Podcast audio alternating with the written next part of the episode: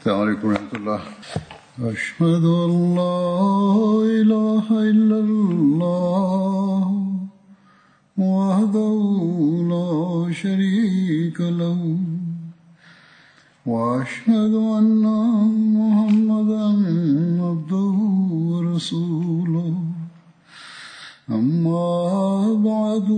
فأعوذ بالله من الشيطان الرجيم. بسم الله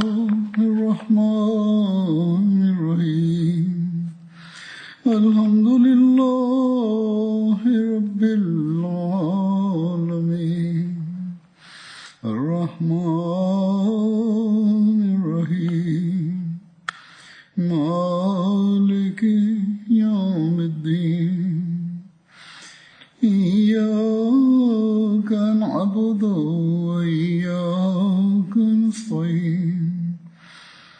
اهدنا الصراط المستقيم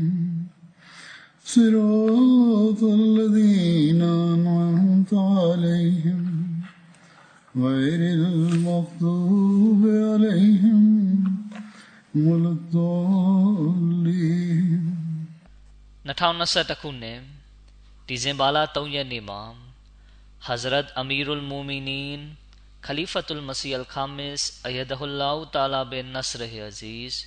ပြစ်မာခလီဖာသခင်ကြီးကအင်္ဂလန်နိုင်ငံအစ္စလာမာဘတ်တယ်ဖိုရှိမူဘာရက်ဗလီဝေကျောင်းမှာဂျမာခွတ်ဘာမချာခဲ့ပါတယ်။အဲဒီခွတ်ဘာမှာခလီဖာသခင်ကြီးကခွလ်ဖာရာရှီဒီန်တမန်တော်မြတ်ကြီးဆလလောလ္လဟ်အလัยဟိဝါစလမ်ရဲ့ခလီဖာကြီး၄ပါးတဲ့က Hazrat Abu Bakr Siddiq radiyallahu anhu တခင်ရဲ့အကြောင်းကိုဝါကြားတင်ပြခဲ့ပါတယ်။ခလီဖာသခင်ကြီးမိန့်ကြားတော်မူသည်မှာယနေ့ Hazrat Abu Bakr Siddiq radiyallahu anhu တခင်ရဲ့အကြောင်းကိုတင်ပြပါမယ်။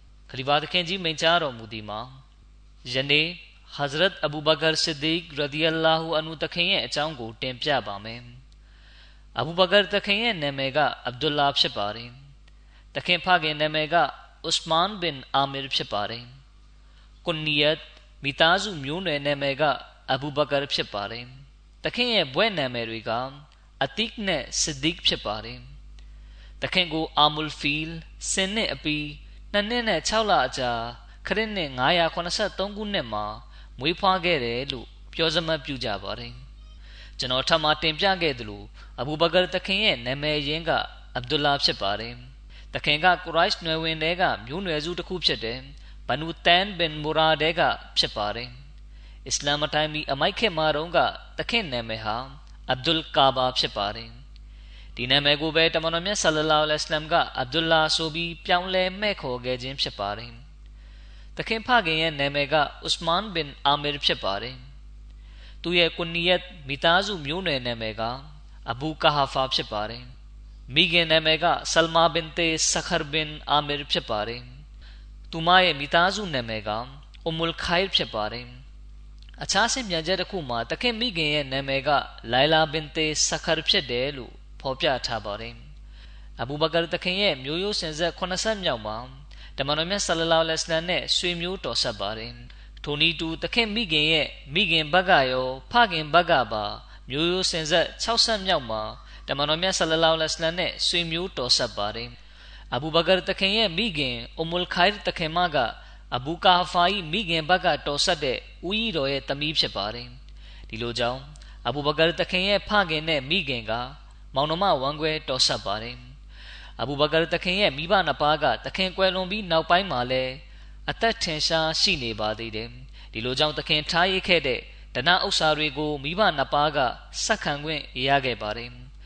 အဘူဘကာတခင်ကွယ်လွန်ပြီးနောက်မှာတခင်မိခင်ကွယ်လွန်ခဲ့ပါတယ်ဒီနောက်တခင်ဖခင်ကဟစ်ဂျရီတက္ကရာ14ခုနှစ်တတ်တော်68နှစ်အရွယ်မှာကွယ်လွန်ခဲ့ပါတယ်။အဘူဘကာတခင်ရဲ့မိဘနှစ်ပါးစလုံးက အစ္စလာမ်ကိုလက်ခံခွင့်ရရှိခဲ့ပါတယ်။ယခုတခင်ဖခင်အစ္စလာမ်ကိုတတ်ဝင်ယုံကြည်လာပုံကြောင်းကိုတင်ပြပါမယ်။တခင်ဖခင်ကမကာကိုအောင်နိုင်ချိန်မှာအစ္စလာမ်ကိုလက်မခံရသေးပါဘူး။အဲဒီချိန်မှာတခင်ဖခင်ကမျက်စိကွယ်သွားပြီဖြစ်ပါတယ်။မကာကိုအောင်နိုင်ပြီးနောက်တရက်မှာ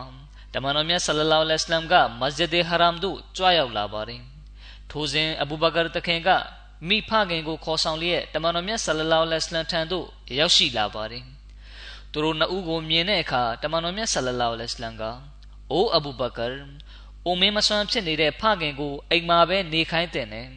ကျွန်ုပ်ကိုပြောရင်ကျွန်ုပ်ကိုယ်တိုင်အသင့်အိမ်ကိုလာခဲ့မှာပေါ့လို့မိန့်ကြားတော်မူပါတယ်ဒီခါဘူဘကာတခင်ကအိုးလိုက်တမန်တော်မြတ်ဖခင်ကသူကိုယ်တိုင်ပဲကိုရော့ထံကိုလာရောက်လိုပြီး ကိုရောကသူ့စီကိုလာရောက်တာမျိုးကို မလိုလားဘူးလို့ပြောပါတယ်ဒီနောက်အဘူဘကာတခင်ကဖခင်ကိုတမန်တော်မြတ်ဆလလောလ္လဟ်အလိုင်းရဲ့ရှေ့မှောက်မှာထိုင်ဖို့နေရာပြုလုပ်ပေးပါတယ်ပြီးနောက်တမန်တော်မြတ်ဆလလောလ္လဟ်အလိုင်းကအဘူကာဖာရဲ့ရင်ဘတ်ပေါ်လက်တင်လျက်အစ္စလာမ်ကိုလက်ခံပါလေသို့ဆိုရင်လုံခြုံငြိမ်းချမ်းမှုကိုခံစားရပါလိမ့်မည်ဆိုပြီးမိန့်ကြားတော်မူပါတယ်ဒီလိုနဲ့အဘူကာဖာကအစ္စလာမ်ကိုလက်ခံခဲ့ပါတယ်ဂျာဘီဘင်အဗ်ဒူလာတခင်ကအဆင့်ပြန်ပါတယ် မကာကိုအောင်နိုင်ခြင်းအဘူကာဖာကိုတမန်တော်မြတ်ရှိရာသို့ခေါ်ဆောင်လာခဲ့စဉ်သူ၏ဇပင်နှင့်မုတ်စိတ်မွေးများသည်စကားမှာပန်းများကဲ့သို့ဖြူဖွေးတောက်ပြောင်နေခဲ့ပါပြီစကားမှာဆိုတာကတောင်ပေါ်မှာပေါက်ရောက်လေရှိတဲ့အဖြူရောင်အဆင်းရှိတဲ့ပန်းတစ်မျိုးဖြစ်ပါတယ်အဘူကာဖာ၏ဇပင်နှင့်မုတ်စိတ်များသည် လုံးဝဖြူဖွေးနေ၏ အဘူကာဖာ၏တွင်ပြင်ကိုမြင်သောအခါတမန်တော်မြတ်ဆလလောလ္လဟ်အလัยဟ်ကအသိဇပင်နှင့်မုတ်စိတ်ကိုဆေးဆိုးလိုက်လျင်ပိုမိုကောင်းမွန်ပါလိမ့်မည်သို့သောဆေးဆိုးသည့်အခါအနက်ရောင်ကိုအတုံးမပြုပါနှင့်ဟုမိန့်ကြားတော်မူ၏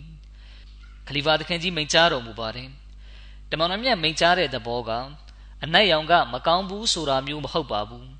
အဘူကာဖာရဲ့အသက်အရွယ်ရာတကောင်းလုံးကိုအနက်ရောင်ဆိုးလိုက်ရင်မတင့်တော်ဘူးလို့ ကိုတော်ကယူဆတာကြောင့်ဖြစ်ပါလိမ့်မယ်။မိတို့ဆိုစေတမန်တော်မြတ်ကခေါင်းကိုဆေးဆိုးတဲ့နယ်လို့မိန့်ကြားတော်မူခဲ့ပါတယ်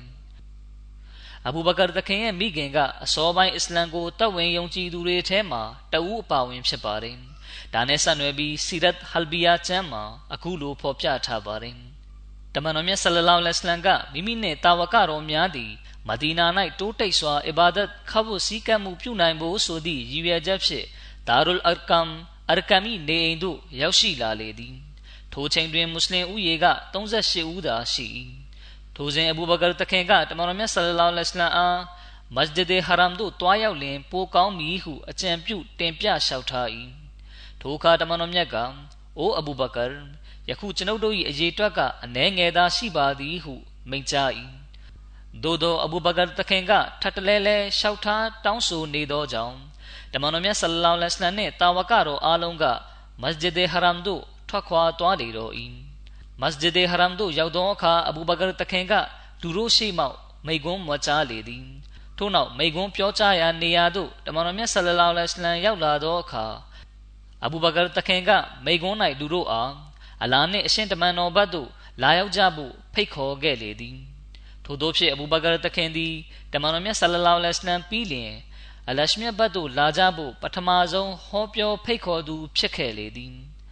အဘူဘကာတခင်၏မိကွန်းအားကြားရသောအခါမုရှရစ်တို့သည်အဘူဘကာတခင်နှင့်မွတ်စလင်တို့အားရိုက်နှက်ဖို့စုယုံလိုက်ကြသည်မုရှရစ်အုပ်စုသည်အလုံးရင်းနှင့်မွတ်စလင်တို့အားရက်ဆက်စွာရိုက်နှက်ကန်ကြောက်ကြ၏အဘူဘကာတခင်ကိုလည်းခြေတော်များဖြင့်တန်နှင်းလျက်ကြမ်းတမ်းစွာရိုက်နှက်ကြ၏ဥတဘာဘင်ရဘီယာကဆိုလျင် တရေနှစ်ထပ်ကွတ်ထားသောဖက်နှက်ဖြင့်တခင်မျက်နာကိုအထက်ထက်ရိုက်၏ထို့သောရိုက်နှက်မှုကြောင့်တခင်မျက်နာတစ်ခုလုံးဖူးယောင်သွားပြီးနှာခေါင်းကိုရှာမရသည့်အထိဖြစ်ခဲ့၏ထို့နောက်ဘနူတန်မျိုးနွယ်စုမှလူတို့သည် အပြေးတစ်ပိုင်းရောက်လာပြီးအဘူဘကာတခင်အားမုရှရစ်တို့၏တိုက်ခိုက်မှုမှလွတ်မြောက်အောင် ပြုလုပ်ပေးကြ၏ထို့နောက်တခင်အားအဝတ်တစ်ခုတည်းထည့်ပြီးနေရက်သို့ခေါ်ဆောင်သွားကြသည်မုရှရစ်တို့သည်အဘူဘကာတခင်အားအဘယ်မျှရိုက်နှက်ခဲ့ကြသနည်းဆိုလျင် တခင်အားထိုတို့ထမ်းခေါ်သွားစဉ်ဘနူတမ်လူမျိုးစုတို့ကတခင်ကွယ်လွန်သွားပြီဟု၍ထင်မှတ်သွားသည့်အထိပင်ဖြစ်သည်ထိုနောက်တွင်ဘနူတမ်လူမျိုးစုတို့သည်ထိုနေရာသို့ပြန်လာခဲ့ပြီးကာဘာကျောင်းတွင်းသို့ဝင်ရောက်လျင်အလရှမြတ်အားကျိန်ဆို၍ပြောပါ၏အကယ်၍အဘူဘကာတခင်သာတေဆုံးသွားခဲ့ရင်ကျွန်ုပ်တို့အားလုံးအဘူဘကာတခင်အားတတ်သောဥဒဘာကိုမုတ်ချကွပ်မျက်ကြပါမည်ဟုကျိန်ဝါပြောဆိုလေသည် ထို့နောက်ထိုလူမျိုးစုသည် အဘူဘကာတခင်ထံပြန်လာခဲ့သည်အဘူကာဖာနှင့်ဘနူတမ်လူမျိုးစုတို့သည် အဘူဘကာတခင်နှင့်စကားပြောဖို့ကြိုးစားခဲ့ကြသည်သို့သောတခင်ကတတိလစ်မေမျောနေသည့်အတွက်ဘာမျှအဖြေပြန်မပေးကြထို့သောဖြင့်ညနေရောက်သောအခါအဘူဘကာတခင်တတိယလာပြီးစကားပြောလေသည်တတိယလင်ရခြင်းတခင်ကတမန်တော်မြတ်ဆလလောလ္လဟ်အလိုင်းအခြေအနေကိုမေး၏သို့သောလူတို့သည်အဘူဘကာတခင်အားဘာမျှပြန်မဖြေကြ အဘူဘကာတခင်ကထိုတို့သာအချိန်ချင်းမေးနေသောကြောင့်တခင်မိခင်ကဖျားတခင်ကိုချိန်ဆ၍ပြောပါ၏ဖျားတခင်ကိုချိန်ဆ၍ပြောပါ၏အသင်မိတ်ဆွေ၏အခြေအနေနှင့်ပတ်သက်ပြီးငါတို့မသိပါဟုဖြေလေသည်ထိုအခါအဘူဘကာတခင်ကမိခင်ဖြစ်သူအားအိုမာတခင်ရဲ့ညီမတော်အူမီလ်ဂျမီလ်ဘင်တေခတ်ပ်ထံကိုတွားပြီးတမန်တော်မြတ်ဆလလောလဟ်အလိုင်းအခြေအနေကိုစုံစမ်းပေးပါဟုပြောလေသည်။ အိုမေဂျမီလ်ကရခိုင်ကလေးကအစ္စလာမ်ကိုတပ်ဝင်ယုံကြည်ခဲ့ပြီးဖြစ်ပါတယ်။ဒါပေမဲ့သူမကမိမိမွတ်စလင်ဖြစ်တယ်ဆိုတာကိုလူတွေရှေ့မထုတ်ဖော်ပဲလျှို့ဝှက်ထားပါတယ်။ထို့သောဖြင့်အဘူဘကာတခင်မိခင်သည်အမေဂျမီလ်ထံတွား၏။ထို့နောက်ကျမ၏သားအဘူဘကာကမိုဟမ္မဒ်ဘင်အဗ်ဒူလာ၏အခြေအနေကိုမေးခိုင်းလိုက်ပါသည်ဟုပြောရာအမေဂျမီလ်ကကျမမိုဟမ္မဒ်ကိုမသိတယ်လို့အဘူဘကာကိုလည်းမသိပါဟုပြန်ဖြေလေသည်ထို့နောက်အွန်ဘယ်ဂျမီလ်က အဘူဘကာတခင်မိခင်အားကျမအသင်မနှင့်အတူလိုက်ခဲ့၍ရပါသလောဟုမေးရာသူမကလိုက်ခဲ့ပါဟုပြော၏ထို့သောဖြင့်အဘူဘကာတခင်ရှိရာသို့တွား၏အိမ်သို့ရောက်သောဒဏ်ရာများဖြင့်လဲလျောင်းနေသောအဘူဘကာတခင်အားမြင်သောအခါအမေလ်ဂျမီလ်တခင်မကတခင်အားထိုသို့ပြုမှုဆက်ဆံသူသည်စိုးရုပ်သူများဖြစ်ကြသည်အလရှမြတ်သည်၎င်းတို့အားတုံ့ပြန်အပြစ်ပေးတော်မူလိမ့်မည်ဟု ကျမမျှော်လင့်ပါသည်ဟု၍ပြောလေသည် ထို့နောက်အဘူဘကာတခင်ကယခုကိုရောအခြေအနေဘယ်လိုရှိသလဲကျွန်ုပ်ကိုပြောပါဟုမေးရာအိုမီလ်ဂျမီလ်တခင်မကအသင့်မေကြားသွားလိမ့်မည်ဟုပြော၏ထိုအခါအဘူဘကာတခင်ကဤစကားကိုသူမကလူတို့ထံပြန်ပြောမိမဟုတ်ပါဟုပြောရာအိုမီလ်ဂျမီလ်တခင်မကတမန်တော်မြတ်ကောင်းမွန်စွာရှိပါသည်ဟုပြန်ဖြေသည်ထို့နောက်အဘူဘကာတခင်ကယခုကိုရောအဘဲမာနီဟုမေးရာအမေလ်ဂျမီလ်တခင်မကဒါရုလ်အရကာမာဘာဟုဖြေ၏ခ လီဖာတခင်ကြီးမိန့်ကြားတော်မူပါတယ်ဒီနေရာမှာတမန်တော်မြတ်ဆလလောလဟ်အလိုင်းပေါ်ထားတဲ့အဘူဘကာတခင်ရဲ့ချက်ချင်းမြတ်တာကိုအထင်သာမြင်တွေ့နိုင်ပါတယ်ထိုစကားကိုကြားပြီးအဘူဘကာတခင်ကအလရှမြတ်ကိုချိန်ဆို၍ပြောပါသည်ကျွန်ုပ်ဒီကိုရောမြတ်ဆလလောလဟ်အလိုင်းထံမတွားရမချင်းအစာစားမီမဟုတ်သလိုရေလဲတောက်မီမဟုတ်ဟုပြောလေသည်အဘူဘကာတခင်မိခင်ကပြောပြ၏ကျမကလူများဝင်ထွက်သွားလာမှုရှိနေသောကြောင့် အချိန်တော်ကြာထိအဘူဘကာတခင်အားအပြင်မထွက်ဖို့ဟန်တားခဲ့သည်လူသွားလာမရှိတော့သည့်အခါကျမတို့ကအဘူဘကာတခင်အားခေါ်လျက်အိမ်မထွက်ခွာလေ၏တမန်တော်မြတ်ဆလလောလဟ်အလัยဟ်ထံရောက်သည့်အထိအဘူဘကာကကျမကိုအမိတဟဲပြုလျက်လမ်းလျှောက်လာခဲ့သည်တမန်တော်မြတ်ထံရောက်သောအခါအဘူဘကာတခင်ကနာကျင်မှုဝေဒနာကိုအပြင်းထန်ခံစားနေရသည်အဘူဘကာတခင်၏အခြေအနေကိုမြင်သောအခါတမန်တော်မြတ်ကသခင်အားနမ်းရှုပ်ရန် ဒူးထောက်ထိုင်လိုက်သည်ထိုအခြေအနေကိုမြင်သောမွတ်စလင်အားလုံးကလည်းဒူးထောက်လိုက်ကြသည်ထို့နောက်အဘူဘကာတခင်ကအိုးလိုက်တမန်တော်မြတ်ကျွန်တော်မျိုး၏မိဘနှစ်ပါးကိုကိုရော့အလို့ငါဇဒေးပါ၏လူတို့သည်ကျွန်တော်မျိုး၏မျက်နာအားဒဏ်ရာနာတရားဖြစ်စေယုံကလွဲပြီးအခြားမိသည့်ဒုက္ခကိုမျှကျွန်တော်မျိုးမခံစားရပါကျွန်တော်မျိုး၏မိခင်သည်ကျွန်တော်မျိုးအားကောင်းစွာပြုမှုဆက်ဆံပါ၏ အလရှမြတ်သည်ကိုရော့ကိုကြောင်းခံ၍ကျွန်တော်မျိုး၏မိခင်အားငရဲမိပြစ်ဒဏ်မှကဲတင်ခြင်းခံရနိုင်ရ၏ဟုပြောလေ၏ထို့နောက်တမန်တော်မြတ်ဆလလောလဟ်အလัยဟ်ကအဘူဘကာတခင်၏မိခင်အတွက်ဒဝါဆူတောင်းပေးလျက်အစ္စလမ်ဘတ်သို့ဖိတ်ခေါ်ခဲ့၏ထို့နောက်တွင်တခင်မိခင်ကအစ္စလမ်ကိုလက်ခံခဲ့လေသည်ဒီလိုနဲ့အဘူဘကာတခင်ရဲ့မိခင်ကကနဦးကာလမှာပင်အစ္စလမ်ကိုလက်ခံခွင့်ရရှိခဲ့ပါတယ်။ အဘူဘကာတခင်ကိုဖွားမြင်ခြင်းအကြောင်းနဲ့ဆက်နွယ်ပြီးဆင့်ပြန်ချက်အသီးသီးလာရှိပါတယ်။တာဝကတော်တွေရဲ့ဘဝဖြစ်စဉ်အကြောင်းရေးသားပြုစုတဲ့တမိုင်းကျမ်းတွေမှာအဘူဘကာတခင်ကအာမိုဖီလ်စင်နှစ်ပြီးနောက်နှစ်နှစ်နဲ့6လအကြာမှာမွေးဖွားခဲ့တယ်လို့ဖော်ပြထားပါတယ်။တေဘရီနဲ့တဘဂတ်ုလ်ကိုဘရာတမိုင်းကျမ်းတွေမှာတော့တခင်ကိုအာမိုဖီလ်စင်နှစ်ပြီးနောက်3နှစ်အကြာမှာမွေးဖွားခဲ့တယ်လို့ဖော်ပြထားပါတယ်။ ထိုနည်းတူအဘူဘကာတခင်ရဲ့ဘွဲနာမည်နဲ့ပတ်သက်ပြီးအဆိုအသီးသီးကွဲပြားပါတယ်။ဘွဲနာမည်နှမျိုးကအလွန်ကြော်ကြားပါတယ်။တစ်မျိုးကအသစ်ဖြစ်ပြီးနောက်တစ်မျိုးကဆစ်ဒီကဖြစ်ပါတယ်။ဘာကြောင့်အသစ်ဆိုတဲ့နာမည်နဲ့တခင်ကိုခေါ်ဝေါ်ကြပါသလဲ။ဒါနဲ့ဆက်နွယ်ပြီးအိုင်ရှာတခင်မကဆင့်ပြန်ပြောပြပါတယ်။တရက်တွင်အဘူဘကာတခင်ကတမန်တော်မြတ်ဆလလောလဟ်အလัยဟ်ထံရောက်ရှိလာသည့်အခါကိုရောကအန်တာအတီကုလာဟီမင်နန်နာ အသင်သည် အလရှမြတ်ထံတော်တွင်ငရဲမိဖြစ်တံမှကင်းလွတ်သူဖြစ်သည်ဟုမိန့်ကြားတော်မူလေသည်ထိုနေ့မှစ၍သခင်အားအတိဆိုသည့်နာမည်ဖြင့်မှဲ့ခေါ်ကြခြင်းဖြစ်သည်တတမိုင်းပညာရှင်တချို့ကအတိတ်ဆိုတာသခင်ရဲ့ဘွဲ့နာမည်မဟုတ်ပဲသခင်ရဲ့နာမည်သာဖြစ်တယ်လို့ဆိုကြပါတယ်။ဒါကမှန်ကန်မှုမရှိပါဘူး။ဒါနဲ့ဆက်နွယ်ပြီးအလာမာဂျလာလူဒင်စီယူတီကတာရီခွလ်ခွလဖာကျမ်းမှာအီမမ်နဝါဝီရဲ့ဆင့်ပြန်ချက်ကို ကိုးကားလျက်ရေးသားဖော်ပြထားပါတယ်။အဘူဘကာတခင်၏နာမည်မှာအဗ်ဒူလာဖြစ်သည်။ဤဒီသာလင်ကြော်ကြားပြီးမှန်ကန်သောအဆိုဖြစ်၏။ထို့ပြင်သခင်နာမည်ကိုအတိခု၍လည်းဆိုကြ၏။သို့သောပညာရှင်အများစုကလက်ခံအတည်ပြုထားကြသောနာမည်ကအဗ်ဒူလာပင်ဖြစ်သည်။အတိကဆိုဒီမှာသခင်ဘွဲ့နာမည်သာဖြစ်ပြီးနာမည်အရင်မဟုတ်ပေ။စီရတ်အစ်ဘ်နေဟီရှမ်မှာ တခင်ရဲ့ဘွဲ့နာမည်အတိကနဲ့ဆက်နွယ်ပြီးရေးသားဖော်ပြထားပါတယ်။တခင်မျက်နှာတော်သည်တင့်တယ်လှပမှုကြောင့်၎င်းတီကြီးခံညားမှုကြောင့်၎င်းတခင်အားအတိခူ၍မှဲ့ခေါ်ရခြင်းဖြစ်သည်။စီရတ်အစ်ဘ်နေဟီရှမ်ရဲ့အကျယ်ရှင်းလင်းချက်မှာအတိကဆိုတဲ့ဘွဲ့နာမည်နဲ့အဲ့ဒီလိုမှဲ့ခေါ်ရခြင်းအကြောင်းရင်းနဲ့ဆက်နွယ်ပြီးရေးသားဖော်ပြထားပါတယ်။အတိကဆိုဒီမှာအလ်ဟဆန်ွန်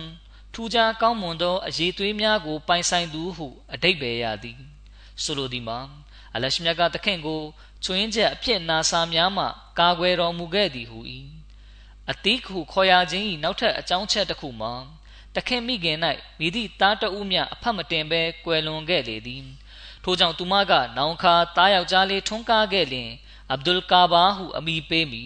သူအားကာဘာအတွက်စွန့်လူပါမီဟုအဋိဋ္ဌံပြုခဲ့သည်ထို့သောဖြင့်သခင်သည်အသက်ရှင်၍လူငယ်ရွယ်သို့ရောက်သောအခါ တေခြင်းမှလွတ်မြောက်ခဲ့သည့်အတွက်သခင်နာမည်ကိုအတိခူ၍မှဲ့ခေါ်ခဲ့ခြင်းဖြစ်သည်။ဒါပြင်သခင်ကိုအတိဆိုတဲ့နာမည်နဲ့ခေါ်ရတဲ့နောက်ထပ်အကြောင်းရင်းများစွာလည်းရှိပါတယ်။အချို့ပညာရှင်များ၏အဆိုအရသခင်၏မျိုးရိုးအဆက်နွယ်၌အခြားလူများဝေဖန်ပြစ်တင်နိုင်သောချွင်းချက်အပြည့်နာစာမရှိသောကြောင့်သခင်၏ဘွဲ့နာမည်အားအတိခူ၍မှဲ့ခေါ်ခြင်းဖြစ်ကြောင်းသိရပေသည်။အတိဤနောက်တစ်မျိုးအတိတ်ပဲမှာရှေးကြသော သို့မဟုတ်ဟောင်းသောဟူ၍ဖြစ်သည်တခင်သည်အစ္စလာမ်တိုင်မီခေတ်ကာလမှာပင် ကုသိုလ်ကောင်းမှုပြုသူ ကောင်းကျိုးကိုသာလိုလားသူဖြစ်ခြင်းကြောင့်တခင်ကိုအတိကဆိုသည့်အမိဖြင့်မှဲ့ခေါ်ရခြင်းဖြစ်သည်ထိုနည်းတူသခင်သည်အစ္စလာမ်ကိုအစောဆုံးတောက်ဝင်ယုံကြည်ခဲ့ခြင်းကြောင့်၎င်းကောင်းမှုကိုဥထိတ်ထားလှုပ်ဆောင်ခြင်းကြောင့်၎င်းအတိခူ၍မှဲ့ခေါ်ရခြင်းဖြစ်သည်သခင်ရဲ့ဘွဲ့နာမည်နောက်တစ်ခုကစဒစ်ဖြစ်ပါတယ် စစ်ဒစ်ဆိုတဲ့နာမည်တွင်လာရခြင်းအကြောင်းနဲ့ဆက်နွယ်ပြီးစင်ပြန်ချက်တစ်ခုလာရှိပါတယ်အလာမာဂျလာလူဒင်စီယူဒီကရေးပါတယ်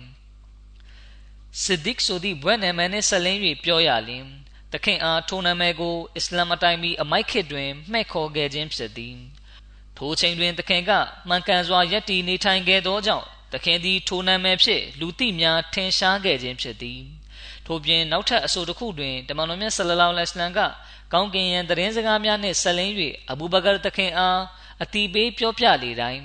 ကိုတော့သတင်းစကားကိုအလင်းမြန်လက်ခံတတ်သူဖြစ်သောကြောင့်တခင်အားစစ်ဒစ်ဆိုသည့်အမည်ဖြင့်ခေါ်ရခြင်းဖြစ်သည်အာယရှာတခင်မကဆင့်ပြန်ပြောပြပါတယ်ညချိန်တွင်တမန်တော်မြတ်ဆလလောလဟ်အလัยဟ်အားဘိုက်တုလ်မက်ဒတ်မစဂျစ်အက်ဆာသို့ခေါ်ဆောင်ခြင်းခံရလေသည် တမန်တော်မြတ်ဆလလောလဟ်အလัยဟ်ရဲ့အစ္စရာနံဝင်ကြီးခရီးစဉ်ကိုဆိုလိုခြင်းဖြစ်ပါတယ်နနလင်းတော်သူတို့ကြားတွင်ဤเจ้าနှင့်ဆက်လင်းပြီးငင်းခုန်ပြောဆိုမှုများဖြစ်ကြလေသည်ကိုရောအားလက်ခံယုံကြည်ပြီးကိုရောမှန်ကန်ကြောင်းထောက်ခံခဲ့ကြသူတို့ချို့ကလည်းနောက်ဆုတ်သွားခဲ့ကြလေသည်လူတို့ချို့ရဲ့အီမန်ယုံကြည်မှုအခြေအနေကအခုလိုလဲရှိပါတယ်ထိုချိန်တွင်မုရှရစ်တို့နှင့်အချို့ကအဘူဘကာတခင်ထံသို့ပြေးလွှားရောက်လာကြလျက်တခင်အား အသင်မိတ်ဆွေအကြောင်းကိုတည်ပြီးပြီလောသူကညစ်ချိန်မှာဘုရားသခင်ကသူ့ကိုဘိုက်တုလ်မကဒတ်သို့ခေါ်ဆောင်သွားသည်ဟု ပြောနေသည်ဟု၍ဆိုကြလေသည်ထိုအခါဘူဘကာတခင်ကတမန်တော်မြတ်တကယ်ပဲထိုတို့ပြောပါသလောဟုမေးရာလူတို့ကဟုတ်မှန်ကြောင်းပြောလေသည်ထိုအခါဘူဘကာတခင်ကအကယ်၍တမန်တော်မြတ်ကထိုတိုင်းသာမိန့်ကြားခဲ့သည်ဆိုလျှင်ယင်မှာမှန်သောစကားကိုဆိုခြင်းသာဖြစ်သည်ဟု ပြောလေသည် ထိုအခါလူတို့က ညင်ချိန်တွင်ဘိုက်တုလ်မက်ဒတ်သို့ခေါ်ဆောင်ခြင်းခံရပြီးနနမလင်းခင် ပြန်ရောက်လာသည်ဆိုသည့်ကိစ္စကိုအသင်က ထောက်ခံပါသလောဟု ပြောကြ၏။ဘာကြောင့်လဲဆိုရင်ဘိုက်တုလ်မက်ဒတ်ကမကာကနေကီလိုမီတာ1300ကျော်လောက်ဝေးတာကြောင့်ဖြစ်ပါတယ်။ထိုအခါဘူဘကာတခင်ကမှန်၏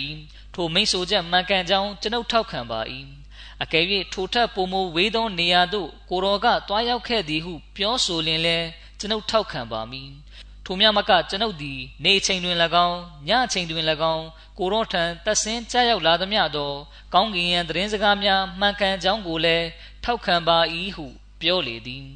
ဒီဖြစ်ရပေါ်ပေါက်ပြီးနောက်မှာတခင်အားစစ်ဒစ်ဆိုသည့်နာမည်နဲ့ခေါ်ခဲ့ကြခြင်းဖြစ်ပါတယ်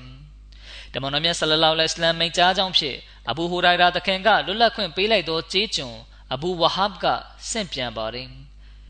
အစ္စရာခီးစဉ်တွင်ညင့်ချိန်၌ကျွန်ုပ်အားဘိုက်တုလ်မကဒတ်သို့ခေါ်ဆောင်သွားစဉ်ကျွန်ုပ်ကကောင်းကင်တမန်ဂျိဘရာအီလ်အားကျွန်ုပ်၏လူမျိုးစုသည်ကျွန်ုပ်အားအလင်းလက်ခံကြမည်မဟုတ်ကြပါဆိုလိုသည်မှာ၎င်းတို့သည်ကျွန်ုပ်၏စကားကိုမှန်ကန်ကြောင်းလက်ခံကြမည်မဟုတ်ပါဟုမိန့်ကြား၏ထိုအခါကောင်းကင်တမန်ဂျိဘရာအီလ်ကယူဆဒ်ဒီကူကအဘူဘကာရင်ဝဟူဝါဆဒ်ဒီကဆိုလိုသည်မှာအဘူဘကာသည်တင့်အားထောက်ခံတမှုပြုပေလိမ့်မည် အကြောင်းမူသူသည်တည်ကြည်ဖြောင့်မတ်သူဖြစ်သောကြောင့်ဒီဒီကြောင့်ကိုတဘကဒုလ်ကုဘရာချမ်းမှာရေးသားဖော်ပြထားခြင်းဖြစ်ပါတယ်မွတ်စလင်မာဦးရဒီအလာဝအနုတခင်မိန့်ကြားတော်မူပါတယ်အိုင်ရှာတခင်မ၏ဆင့်ပြန်ချက်တစ်ခုလာရှိသည်အစ္စရာဖြစ်ရပြီးနောက်လူတို့သည်အပြေးနှင်လျက်အဘူဘကာတခင်ထံသို့ရောက်လာကြလေသည်ထို့နောက်တခင်အားအသင်မိတ်ဆွေဘာပြောလိုက်သနည်းဆိုသည်ကိုအသင်သိပါသလောဟုပြောရာအဘူဘကာတခင်က ဘာပြောလေသနည်းဟုမေး၏ထိုအခါ၎င်းတို့ကသူသည်ညစ်ချိန်တွင်ဘိုက်တုလ်မကဒတ်သို့ရောက်ခဲ့ကြောင်းပြောနေသည်ဟုဖြေကြ၏ဒီနေရာမှာမွတ်စလင်မောင်တခင်ရေးသားတာကအကယ်၍တမန်တော်မြတ်ဆလလောလဟ်အလัยဟ်ကမေရာဂျ်နဲ့အစ္စရာဖြစ်ရဲ့နှစ်ခုစလုံးကိုတပေါင်းနဲ့ပြောပြခဲ့သည်ဆိုလျင်ဤဖြစ်ရဲ့နှစ်ခုမှာတစ်ခုတည်းအတူတူပင်ဖြစ်သည်ဆိုလျင်ကာဖာမယုံကြည်သူများကထိုထပ်ပို၍စူပူအော်ဟစ်ကြမည်ဖြစ်သည် သို့သော၎င်းတို့မှာတမန်တော်မြတ်ဆလလောလဟ်အလัยဟ်သည်တညအတွင်းမှာပင်ဘိုက်တုလ်မကဒတ်သို့တွားရောက်ပြီးပြန်လာခဲ့သည်ဟုသောစကားကိုသာဝေဘန်စောရကပြုနေကြပေသည်၎င်းတို့ကထိုသို့ပြောသောအခါအဘူဘကာတခင်ကတမန်တော်မြတ်ပြောသောထိုစကားမှန်ကန်ကြောင်းထောက်ခံပြောဆိုလေသည်ထိုအခါလူတို့ကတခင်အောင်အသင်ကစင်ကြုံတရားနှင့်ကိုက်ညီမှုမရှိသောစကားကိုလည်းလက်ခံပါသလောဟုဆိုလေသည်ထိုအခါအဘူဘကာတခင်က ထိုမြမကကျွန်ုပ်သည်နေ့အချိန်တွင်၎င်းညအချိန်တွင်၎င်းကိုရောထံသက်ဆင်းကြရောက်သောကောင်းကင်ယံသတင်းစကားမှန်သမျှကိုလည်းမှန်ကန်ကြောင်းလက်ခံယုံကြည်ပါသည်ဟုမိန့်ကြားလေသည်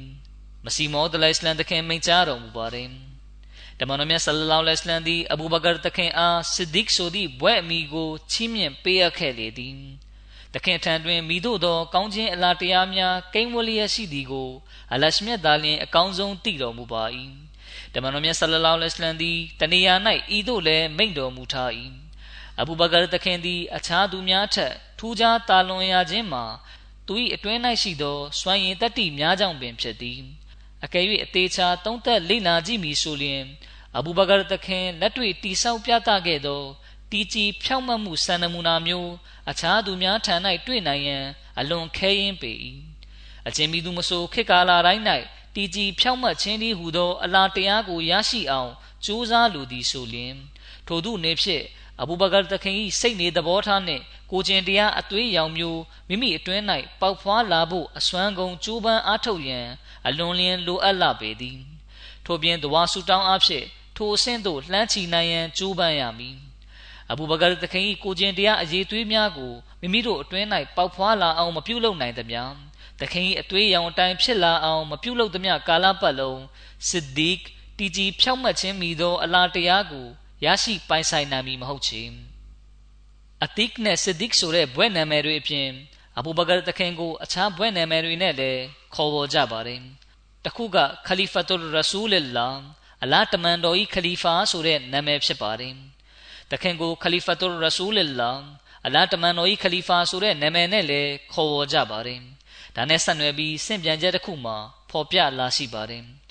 လူတဦးကအဘူဘကာတခင်ကိုအိုခလီဖတ်တုလလာအလာဤခလီဖာဟု၍ခေါ်လေသည်ထိုအခါတခင်ကကျွန်ုပ်ကခလီဖတ်တုလလာမဟုတ်ဘူးခလီဖတ်တုလ်ရဆူလလာအလာတမန်တော်ဤခလီဖာဖြစ်တယ်ဆိုပြီးမိန့်ကြားပါတယ်ဆိုလိုဒီမှာကိုရောမြတ်ဆလလောလဟ်အလัยဟ်ကအလာဟီခလီဖာဖြစ်ပြီးကျွန်ုပ်ကကိုရော့ကိုဆက်ခံသည့်ခလီဖာဖြစ်သည် ဆဟီဘူခါရီကိုအကျယ်ရှင်းလင်းချက်ရေးသားသူ အလာမာဘဒရူဒင်အိုင်နီကအခုလိုရေးသားပါတယ်တမိုင်းချမ်းပြုဆရာများကအဘူဘကာဆစ်ဒီကတခင်၏ဘွဲ့နာမည်မှာခလီဖတ်တူရဆူလလာအလာတမန်တော်၏ခလီဖာဖြစ်သည်ဟု၍တညီတညွတ်ထဲလက်ခံထားကြသည်ဤဘွဲနာမည်သည်တမန်တော်မြတ်ဆလလောလဟ်အလัยဟိကွယ်လွန်ပြီးအဘူဘကာတခင်ခလီဖာဖြစ်လာချိန်မှာသာခေါ်ဝေါ်သည့်နာမည်ဖြစ်ကြောင်းအထင်ရှားသိနိုင်၏ ခလီဖာတခင်ကြီးမိန့်ကြားတော်မူပါတယ်ဒါကြောင့်ခလီဖတ်တုလ်ရဆူလလာအလားတမန်တော်၏ခလီဖာဆိုတဲ့ဘွဲ့နာမည်ကတမန်တော်မြတ်ဆလလောလဟ်အလัยဟ်တတ်တော်ထင်ရှားရှိချိန်မှာခေါ်ဝေါ်တဲ့နာမည်တစ်ခုဖြစ်တယ်လို့ပြောလို့မရပါဘူးဒီဘွဲ့နာမည်ကအဘူဘကာတခင်ခလီဖာဖြစ်လာတဲ့အချိန်မှာလူတွေကခေါ်ဝေါ်ခဲ့တဲ့နာမည်ဖြစ်ပါတယ်ပြီးတော့ဒီနာမည်နဲ့ခေါ်ဝေါ်ဖို့တခင်ကလည်းနှစ်သက်ခဲ့ပါတယ်အဘူဘကာတခင်ရဲ့နောက်ထပ်ဘွဲ့နာမည်တစ်ခုက အဝါဟွန်ဖြစ်ပါတယ်အဝါဟွန်ဆိုတာကအလွန်သဘောထားပျော်ပြောင်းသူနူးညံ့တိမ်မွေ့သူလို့အဓိပ္ပာယ်ရပါတယ်တဘကတုလ်ကိုဘရာကျမ်းမှာအခုလိုရေးသားဖော်ပြပါတယ်အဘူဘကာတခင်အားသူ၏နူးညံ့တိမ်မွေ့သောကျင်နာတတ်သောစိတ်နေစိတ်ထားများကြောင့်အဝါဟွန်ဟူသောအမည်ဖြင့်ခေါ်ဝေါ်ကြခြင်းဖြစ်သည်ဒါပြင်သခင်ကိုအဝါဟွန်မူနီတ်ဆိုတဲ့နာမည်နဲ့လည်းခေါ်ဝေါ်ကြပါတယ်အဝါဟွန်မူနီတ်ဆိုတာက အလွန်သဘောထားပျော်ပြောင်းသူနူးညံ့တိမ်မွေ့သူနဲ့အလရှမြတ်ဘတ်တို့များစွာရိမ့်ညွတ်သူလို့အတိတ်ပဲရပါတယ်ဒါနဲ့ဆက်နွယ်ပြီးတဘဂဒုလ်ကုဘရာချမ်းမှာအခုလိုရေးသားဖော်ပြပါတယ်ဆင့်ပြန်သူကပြောပြ၏အလီသခင်ဤသို့မိန့်ကြားသည်ကိုကျွန်ုပ်ကြားဘူးပါ၏အလီသခင်မိန့်ကြားတော်မူ၏အသေးချာနားထောင်လုံးအဘူဘကာသခင်ဒီကအလွန်သဘောထားပျော်ပြောင်းသူနူးညံ့တိမ်မွေ့သူနှင့် အလရှမြတ်ဘတ်တို့များစွာရိမ့်ညွတ်သူဖြစ်သည်ထို့ပြင်အလာဒီအိုမာသခင်အားကောင်းခြင်းကိုလိုလားသောစိတ်ကိုချီးမြှင့်ပေးသနာခဲ့သောကြောင့်သခင်သည်ကောင်းခြင်းကိုလိုလားသူဖြစ်ခဲ့လေသည်အဘူဘကာသခင်ကိုအမီရူလ်ရှာကီရင်ဆိုတဲ့နာမည်နဲ့လည်းခေါ်ဝေါ်ကြပါတယ်အမီရူလ်ရှာကီရင်ရဲ့အတိတ်ပဲကဂျေဇူးတည်တတ်သူများ၏ဦးစီးခေါင်းဆောင်ဖြစ်ပါတယ်အဘူဘကာသခင်အားသူ၏အမြောင်များဂျေဇူးတည်တတ်သောစိတ်ထားကြောင့်သခင်အား အမီရူလ်ရှာကီရင်ဆိုသည့်အမည်ဖြင့်ခေါ်ဝေါ်ကြခြင်းဖြစ်သည်အမ်ဒဒုလ်ကာရီကျမ်းမှာအခုလိုရေးသားဖော်ပြထားပါတယ်အဘူဘကာဆစ်ဒစ်တခင်အားအမီရူလ်ရှာကီရင်ဆိုသည့်အမည်ဖြင့်ခေါ်ဝေါ်လေးရှိသည်နောက်ပြီးတခင်အားဆာနီယစနိုင်းလို့လည်းခေါ်ဝေါ်ကြပါတယ်ဒါကအဘူဘကာတခင်ရဲ့ဘွဲ့နာမည်တစ်ခုဖြစ်ပါတယ်အလရှမြတ်ကတခင်ကိုဆာနီယစနိုင်းဆိုတဲ့ဘွဲ့နာမည်နဲ့ခေါ်ဝေါ်ခဲ့ပါတယ် ဒါနဲ့ဆက်နွယ်ပြီးကျမ်းမြတ်ကုရ်အာန်မှာအလရှမြတ်ရဲ့မိန့်ကြားချက်လာရှိပါတယ်အလာတန်ဆူရူဟူဖကဒ်နဆရဟူလာဟူ إذ أخرجه الذين كفروا ثاني اثنين إذ هما في الغار إذ يقول لصاحبه لا تحزن إن الله معنا فأنزل الله سكينته عليه အကယ်၍အသင်တို့သည်ဤတမန်တော်ကိုကူညီရိုင်းပင်းမှုမပြုကြလင်လဲ အလာသည်ယခင်ကပင် သူ့အားကူညီတော်မူခဲ့ပြီးဖြစ်၏အချင်းခါဝဲမယုံကြည်ညင်းပယ်သူတို့ကသူ့အားမွေးရမြေမှနှင်ထုတ်ခဲ့ကြသောအခါဝဲသူသည်နှစ်ဦးနှင့်တဦးဖြစ်ခဲ့၏ထိုစဉ်သူတို့နှစ်ဦးစလုံးသည်ဂူတွင်း၌ရှိခဲ့ကြ၏သူကမိမိအဖော်အားမပူပန်လင်စင်စစ်အလားသည်ကျွန်ုပ်တို့နှင့်အတူရှိနေတော်မူ၏ဟုပြောဆိုလျက်ရှိခဲ့၏တို့ဖြစ်အလားသည်မိမိထံတော်မှတည်ငြိမ်အေးချမ်းမှုကို သူ့ပေါ်တဆင်းစေတော်မူ၏ ဂျမ်းမြတ်ကုရ်အာန်6ချိုး40မစီမောဒလိုင်စလန်တခင်မိန့်ကြားတော်မူပါတယ်ဒုက္ခအခက်ခဲနှင့်ရင်ဆိုင်ကြုံတွေ့ရခြင်းတွင်အလာဒီမိမိတမန်တော်မြတ်ဆလလောလဟ်အလัยဟ်အားအဘူဘကာတခင်အားဖြင့်စိတ်ကျေနပ်အေးချမ်းမှုကို ပေးသနာခဲ့လေသည်ထို့ပြင်နဗီတမန်တော်၏အပားတော်၌နေထိုင်ခွင့်ရသောစစ်ဒီကတီဂျီဖြောင့်မတ်သူဆိုသည့်ဂုံဆင့်ကိုချီးမြှင့်တော်မူ၏ထို့ပြင်အလရှမြတ်သည်တခင်အားစာနီယက်9နှစ်ဦးနှင့်တဦးဆိုသည့် ဘွဲကုံကိုချီးမြှင့်တော်မူခဲ့လေသည်ထိုမြမကသခင်အားမိမိအထူးအစေတော်လူသားများနှမှတဦးဖြစ်စေတော်မူခဲ့၏အလရှမြတ်ထံတော်မှစာနီယက်9နှစ်ဦးနှင့်တဦးဆိုသည့်ဘွဲကုံကိုချီးမြှင့်ခြင်းခံရသူနဘဝသခင်ကျေးဇူးတော်ရှင်၏ချစ်ခင်ရသောအဆွေခင်မွန်းဆိုသည့်အစဉ်တန်းကိုရရှိခဲ့သူအင်နလာဟာမာနာစင်စစ်အလာဒီကျွန်ုပ်တို့နှစ်ဦးနှင့်အတူရှိနေတော်မူ၏ဆိုသည့်ထူးမြတ်တာလွန်မှုကိုရရှိပိုင်ဆိုင်သူနှင့် အလရှမြတ်အားကူညီသူနှစ်ဦးနှင့်တဦးဟုတတ်မှတ်ခြင်းခံရသူအားအသင်တို့သိကြပါသလုံးထို့ပြင်အလရှမြတ်ကိုရောတိုင်းကကျမ်းမြတ်ကုရ်အန်တွင်တကုံတထူးဖြင့်ချီးမွမ်းခဲ့သူကိုအသင်တို့သိကြပါသလုံးအရှင်မြတ်သည်သူ၏ဘဝအခြေအနေနှင့်ဆက်လင်း၍လူတို့၏တန်တရားနှင့်ဝေဖန်စောရကားပြုမှုများကိုဝေးလွင့်စေခဲ့၏ဤဒီမှာထင်မြင်ယူဆမှုတသက်မဟုတ်ချေအမှန်တော်ကသူသည်ဖျားသခင်ရှင်မြတ်၏အပားတော်၌လက်ခံခြင်းခံရသူနှင့် အရှင်မြတ်ထံတော်မှဖြစ်ကြောင်းထင်ရှားပေသည်ကျွန်ုပ်သည်ဖန်ဆင်းရှင်ဖျားသခင်ရှင်မြတ်ထံတော်မှပို့ချသောကျမ်းတော်များနှင့်အဘူဘကာသခင်ကဲ့သို့အထူးဖော်ပြအပ်သောပုဂ္ဂိုလ်ဟု၍မတွေ့ဘူးပါကြီးယခုကျွန်ုပ်တင်ပြခဲ့သောအကြောင်းအရာများနှင့်ဆက်လင်း၍တန်တရားတစုံတရာဖြစ်ပါကကျွန်ုပ်သည်အမှန်တရားကိုဖုံးကွယ်ထိန်ချန်ခဲ့သည်ဟုတွေးထင်ပါကကျမ်းမြတ်ကုရ်အာန်မှယင်းနှင့်အလားတူဥပမာကိုတင်ပြကြလေကုန် ထို့ပြင်သင်တို့သည်မှန်ကန်သူများဖြစ်ကြလျင်ကျမ်းမြတ်ကုရ်အာန်၌အခြားသူတဦးအတွက်ထို့သို့ဖော်ကျူးတင်ပြမှုရှိလျင်တင်ပြကြလေကုန်ဒီကြောင့်ကိုမစီမောဒလိုင်စလန်တခင်ကဆစ်ရုလ်ခလာဖာချမ်းမှာရေးသားဖော်ပြထားပါတယ်အဘူဘကာတခင်ရဲ့နောက်ထပ်နာမည်တစ်ခုကဆာဟေဘူလ်ရဆူလ်ဖြစ်ပါတယ်ဒါရဲ့အတိတ်ပဲကရဆူလ်တမန်တော်ရဲ့အဖော်မွန်ဖြစ်ပါတယ် တခါတွင်မူဘကာသခင်ကအုပ်စုတစ်ခုကိုအသင်တို့ထဲတွင်မိသူကဆူရာတောက်ပါကိုရွတ်ဖတ်မိနည်းဟုမေးရာလူတဦးကကျွန်ုပ်ရွတ်ဖတ်ပါမည်ဟုဖြေ၏ထို့သောရွတ်ဖတ်ရင်အဇယကူလူလီဆွာဟီဘီဟီလာတဟဇန်အင်နလာဟမာနာသူကမိမိအဖော်အားမပူပန်လင်စင်စစ်အလားသည်ကျွန်ုပ်တို့နှင့်အတူရှိနေတော်မူ၏ဟုပြောဆိုလျက်ရှိခဲ့၏ဆိုသည့်မုခဘတ်တော်နေရာသို့ရောက်ရှိသည့်အခါအဘူဘကာသခင်ကငိုကြွေးလေသည် ထို့နောက်တခင်ကအလရှမြအားကျိန်ဆို၍ပြောပါအံထိုချိန်တွင်ကျွန်ုပ်သည်အလားတမန်တော်၏အဖော်မွန်ဖြစ်ခဲ့ပါ၏ဟုမိန့်ကြားတော်မူလေသည်နောက်ပြီးအဘူဘကာတခင်ရဲ့ဘွဲ့နာမည်တစ်ခုကအာဒမေဆာနီဒုတိယအာဒမ်ဖြစ်ပါတယ်အဘူဘကာတခင်ရဲ့ဒီဘွဲ့နာမည်ကိုမစီမောဒလိုင်စလန်တခင်ကမှဲ့ခေါ်ခဲ့ခြင်းဖြစ်ပါတယ်တခင်ကြီးကအဘူဘကာတခင်ရဲ့ဘွဲ့နာမည်ကိုအာဒမေဆာနီဒုတိယအာဒမ်လို့ကင်မွန်းတက်ခေါ်ဝေါ်ခဲ့ပါတယ် ဒါနဲ့ဆက်နွယ်ပြီးတခင်ကြီးကမိမိရေးသားပြုစုတဲ့ကျမ်းစာအုပ်တအုပ်မှာအခုလိုရေးသားဖော်ပြထားပါတယ်အဘူဘကာတခင်သည်အစ္စလာမ်သာသနာတော်၌အာဒမေဆာနီဒုတိယအာဒမ်ဖြစ်၏ထိုနည်းတူအူမလ်ဖာရုခ်နှင့်ဥစမန်ရဒီအလာဟူအန်ဟူမာတခင်တို့သည်သာသနာတော်တွင်စစ်မှန်သောအမင်းသစ္စာရှင်များမဟုတ်ကြပါမူကျမ်းမြတ်ကုရ်အန်ထဲကမုခဖတ်တော်တစ်ခုကိုပင်အလရှမြတ်ထံတော်မှဖြစ်ကြောင်းပြောနိုင်ရန်ကျွန်ုပ်တို့အတွက်လွန်စွာခက်ခဲပေလိမ့်မည် ဆီရူလ်ခလာဖာကျမ်းမှာမစီမောဒလစ်လန်တခင်ရေးသားမိန့်ကြားတော်မူပါတယ်ဒါရဲ့ဘာသာပြန်ကိုတင်ပြပါမယ်အလရှမြတ်ဒီအဘူဘကာတခင်အားအစ္စလမ်သာသနာတော်အတွက်ဒုတိယအာဒမ်ဖြစ်၎င်းလောကပေါင်း၏ဂယုနာရှင်မိုဟမ္မဒ်တခင်ဆလလောလဟ်အလိုင်း၏နန်တရားဆိုင်ရာအလင်းရောင်တော်ပထမဆုံးပေါ်လွင်ထင်ရှားရာပြရုပ်ဖြစ်၎င်းပြုလုပ်တော်မူ၏အဘူဘကာတခင်ရဲ့နောက်ထပ်ဘွဲ့နာမည်တစ်ခုကခလီလုရဆူလ်ရဆူတမန်တော်၏မိတ်ဆွေရင်းချာဖြစ်ပါတယ်။ တမိုင်းကျမ်းတစ်ခုမှာခလီလုရဆူလ်ဆိုတာ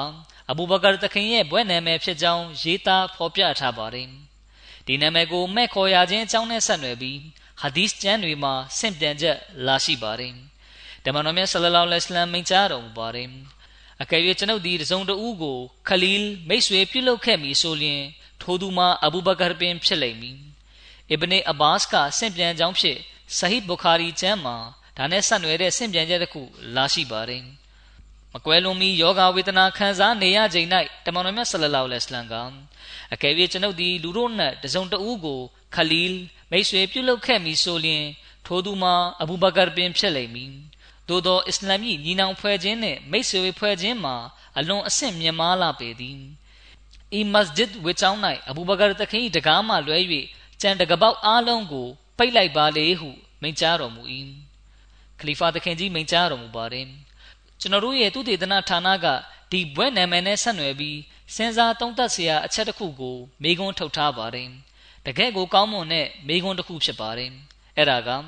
အထက်ပါဟဒီစ်တော်အဖြစ်တမန်တော်မြတ်ကမိမိအနေနဲ့တစုံတယောက်ကိုခလီလ်မိတ်ဆွေဖြစ်ပြုလုပ်ဖို့ရှိရင်အဘူဘကာကိုပဲပြုလုပ်မှာဖြစ်တယ်သို့တော်မပြုလုပ်ခဲ့ဘူးဆိုတာထင်ရှားကြောင်းတွေ့ရပါတယ် ဒီကြောင်းကိုမစီမောဒလစ်လန်တခင်ကိုရိုင်ကလည်းတနေရာမှာအကျယ်တဝင့်ရှင်းလင်းဖြေကြားထားပါတယ်မစီမောဒလစ်လန်တခင်မိန့်ကြားတော်မူပါတယ်တမန်တော်မြတ်ဆလလောလဟ်အလိုင်းမိန့်ကြားချက်တစ်ခုဖြစ်သည့်အကယ်၍ကျွန်ုပ်သည်ကဘာလောက၌တစုံတဦးကိုမိမိခလီလ်မိတ်ဆွေပြုလုပ်ခဲ့မည်ဆိုလျှင်ထိုသူမှာအဘူဘကာပင်ဖြစ်လိမ့်မည်ဆိုသောစကား၏ရှင်းလင်းချက်မှာဤသို့သည်ဤမိန့်ကြားချက်နှင့်ဆက်လင်း၍ရှင်းလင်းတင်ပြဖို့လိုအပ်ပါလိမ့်မည် လက်တွေ့တွင် အဘူဘကာတခင်ကအမှန်တကယ်ပဲကိုရောမိတ်ဆွေတဦးပင် မဟုတ်ပါလောတို့ဆိုလျှင်ဟာဒီစ်တော်၏ဆိုလိုရင်းသဘောမှာအဘယ်သို့ပါနည်းခွလတ်ယင်းဤကျွမ်းဝင်ခြင်းနှင့်မိတ်ဆွေရင်းချဖြစ်ခြင်းဆိုသည့်သဘောမှာတစုံတဦး၏အသွေးရောင်အသွင်ပြင်ကိုမိမိအတွင်းမှစိတ်ဝင်စည်းစင်းအောင်ပြုလုပ်လိုက်ခြင်းမျိုးဖြစ်သည်သို့သောယင်းသို့သောဆက်နွယ်မှုမျိုးကိုအလရှမြတ်နှင့်သာတိဆောက်ရန်မိတ်ဆိုထားပါ၏ လူတဦးကိုမိတ်ဆွေရင်းချဖြင့်ပြုလုပ်ခြင်းဆိုသည့်သဘောမှာညီကိုဖွဲ့မှုမိတ်ဆွေဖွဲ့မှုကိုဆိုလိုခြင်းဖြစ်သည်ခွလက်သည့်အတိတ်ဘယ်မှာကအတွင်း၌အမြင့်တွယ်ခြင်းဟူ၍ဖြစ်သည်ဆိုလိုသည်မှာတစုံတဦးကိုနှဆိုင်ထဲဝင်စွာယင်းဤကျွမ်းဝင်ခြင်းဖြစ်သည်ဤသည်ခွလက်ဆိုသည့်စကလုံး၏လေးနက်ကျဲပြောသောအတိတ်ပဲဖွင့်ဆိုချက်ပင်ဖြစ်သည် ပမာဆိုလျင်ဇူလိုက်ခါ၏အတွင်း၌ယူဆုဖ်ကအမြင့်တွယ်သွားတဲ့ကဲ့သို့ဖြစ်သည်တမန်တော်မြတ်ဆလလောလဟ်အလိုင်းမိန့်ကြားချက်သဘောမှာလည်းထိုတိုင်းပင်ဖြစ်သည်အလရှမြတ်ကိုချစ်မြတ်နိုးတဲ့ကဲ့သို့အခြားမိသူကိုမျှဒန်းတူအချစ်ထား၍မရနိုင်ပါတမန်တော်မြတ်ဆလလောလဟ်အလိုင်းကအကယ်၍လောက၌တစုံတဦးကိုမိတ်ဆွေရင်းချပြုလုပ်အပ်သည်ဆိုပါကထိုသူမှာအဘူဘကာတခင်ပင်ဖြစ်သည်ဟုသာမိန့်ကြားတော်မူခဲ့ခြင်းဖြစ်သည် တမန်တော်မြတ်ဆလလောလဟ်အလိုင်းကအလရှမြတ်ပေါ်ထားသောချစ်ချင်းမှာတီးခြားအစဉ်တန်းတစ်ခုတွင်ရှိပြီးထို့သောအစဉ်မျိုးကိုအခြားမိသည့်လူသားတဦးကမျှမရရှိနိုင်ခြင်းခလီဖာသခင်ကြီးမိန့်ကြားတော်မူပါတယ်တမန်တော်မြတ်ဆလလောလဟ်အလိုင်းမိန့်ကြားတဲ့သဘောကလောကမှာတစုံတဦးကိုအဆွေခင်မွန်းဖြစ်ပြုလုပ်ခဲ့မယ်ဆိုရင်အဲ့ဒါကအဘူဘကာတခင်ပဲဖြစ်လိမ့်မယ်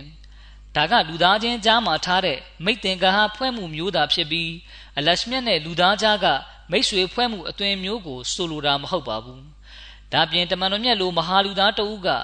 အလာနဲ့မိတ်ဆွေဖွဲ့သူလိုမျိုးအခြားလူတဦးကိုမိတ်ဆွေဖွဲ့ခဲ့တယ်ဆိုတာဘယ်လိုလုပ်ဖြစ်နိုင်ပါမလဲ။ဒါမျိုးလုံးဝမဖြစ်နိုင်ပါဘူး။သခင်ကြီးကဆက်လက်မိန့်ကြားတော်မူပါတယ်။အကယ်၍လောက၌တစုံတဦးကိုမိတ်ဆွေရင်းချပြုလုပ်အပ်သည်ဆိုလျှင်ထို့သောမိတ်ဆွေဖွဲ့ထိုက်သူမှာအဘူဘကာတခင်သားလင်ဖြစ်သည်အဘူဘကာတခင်ရဲ့ကွန်နီယတ်မိသားစုမျိုးနွယ်နာမည်က အဘူဘကာပဲဖြစ်ပါတယ်ဒီနာမည်ကိုမှဲ့ခေါ်ရခြင်းအကြောင်းနဲ့ဆက်နွယ်ပြီးဆင့်ပြန်ချက်လာရှိပါတယ်တချို့ပညာရှင်များကဘကာဆိုဒီမှာနုပြိုသောကလုတ်ကိုရည်ညွှန်းခြင်းဖြစ်၏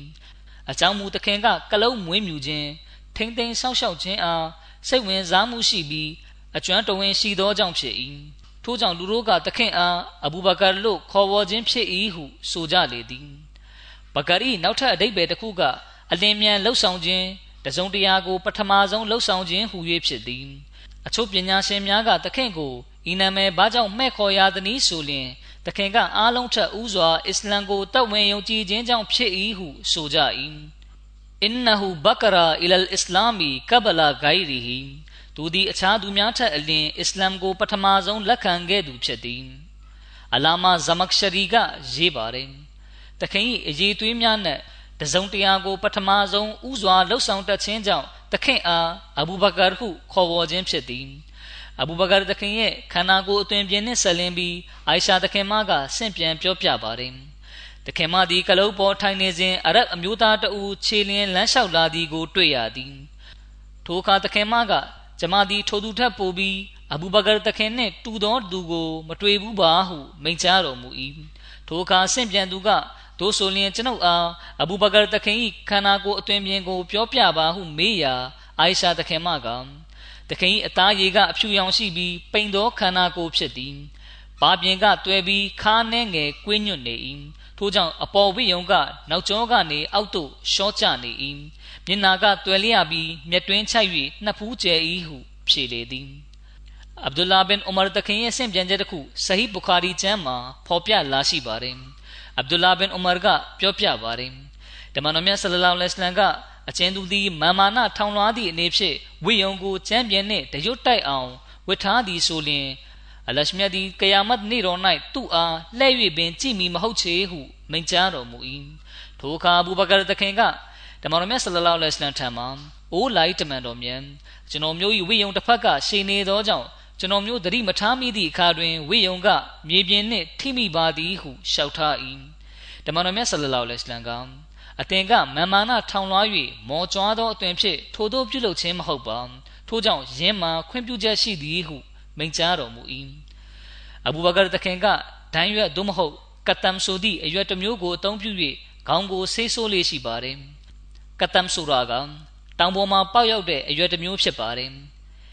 အဲ့ဒီခေတ်ကကတမ်ဆိုတဲ့အရွက်ကိုမဲနယ်ရွက်နဲ့ရောဆက်ပြီးခေါင်းကိုအနက်ရောင်ဆိုးလေးရှိပါတယ်